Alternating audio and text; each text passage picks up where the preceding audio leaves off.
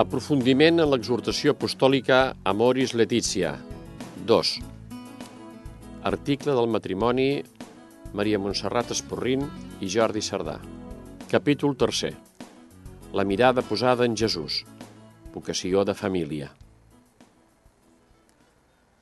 Quan el papa Francesc, a l'inici d'aquest capítol tercer, fa referència a la paraula querigma, ens remet a la seva exhortació apostòlica Evangelii Gaudium, ja que tota la reflexió del tercer apartat de Moris Letizia gira entorn d'aquest mot grec, que ve a significar l'anunci d'una bona notícia i que, com escriu el papa Francesc, el nostre ensenyament sobre el matrimoni i la família no pot deixar d'inspirar-se i de transfigurar-se a la llum d'aquest anunci d'amor i de tendresa, per a no convertir-se en una mera defensa d'una doctrina freda i sense vida. D'aquí que anteriors pares sinodals haguessin escrit diverses exhortacions papals entorn del concepte de la família.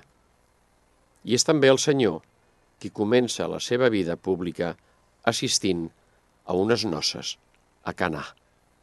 Quan es parla del sagrament del matrimoni, creiem que no ens referim a un mer contracte entre un home i una dona que tenen un projecte de vida en comú.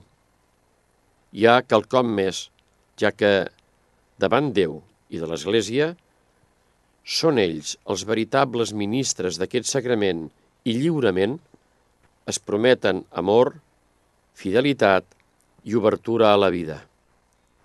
És llavors quan el Senyor ens fa un regal, un do que inclou la sexualitat o que, en paraules de gran bellesa del papa Francesc, es refereix al misteri nupcial. Com diu el papa, la seva recíproca pertinença és representació real, mitjançant el signe sagramental de la mateixa relació de Crist amb l'Església. Aquí, és on entra el concepte de vocació del matrimoni i el per què no s'ha d'entendre aquest vincle com un jou imposat a les persones.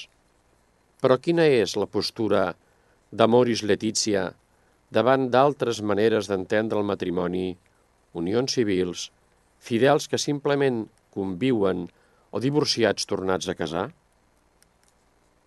Primer de tot, ens cal no jutjar perquè molts cops no som coneixedors de les seves pròpies circumstàncies que, de vegades, poden ser molt complexes. Davant d'aquestes realitats, és millor l'acompanyament, perquè, en paraules del papa, l'Església mira amb amor els qui participen en la seva vida de manera imperfecta. Els infon valor per a fer el bé per a fer-se càrrec amb amor l'un de l'altre i per estar al servei de la comunitat en què viuen i treballen. És millor l'escolta atenta que no pas la imposició i el judici. De ben cert que la llavor del verb no caurà en terra eixuta. I quan es parla d'obertura a la vida, és quan fem esment als fills – una nova persona que és fruit de l'amor dels cònjuges i alhora un altre do de Déu.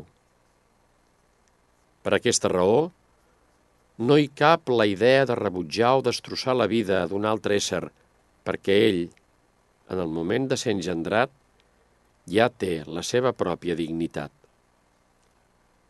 Cal tenir cura de la vida dels altres, des de l'inici fins al final. Per aquesta raó, l'Església també es mostra contrària a l'eutanàsia i fins i tot a la pena de mort. Aquí és on cal tenir també en compte la vida dels ancians, dels malalts terminals i la d'aquells que no tenim prou coneixement per a jutjar. Certament que la vida dels fills és d'ells. Tanmateix, els pares tenim l'obligació i el dret de cuidar-nos de la seva educació. Un dret que, en paraules del papa, és essencial i insubstituïble que són cridats a defensar i que ningú no hauria de pretendre treure'ls. Com a professors que som, no podem estar més d'acord amb que l'escola no pot substituir els pares. En tot cas, els complementa. Certament que la primera educació sempre ha de venir dels pares. D'aquí rau el concepte de tanta bellesa de la qual ens parla Francesc, com és el d'església domèstica, perquè no oblidem que el Senyor ens acompanya avui en el nostre interès per viure i transmetre l'Evangeli de la família.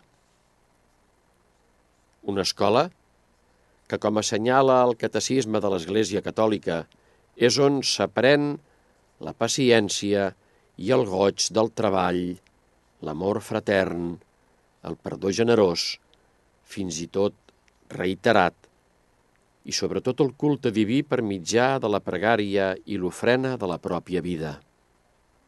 No oblidem que aquesta església domèstica és, abans que tot, una escola d'amor i que, com a tal, té com a exemple la família de Nazaret. Aprenem cada dia. Vivim moments inoblidables i molt feliços, però també passem dificultats i tenim moments complicats. Tanmateix, sabem que, per damunt de tot, ens estimem perquè comptem amb la presència i amb l'ajuda del Senyor.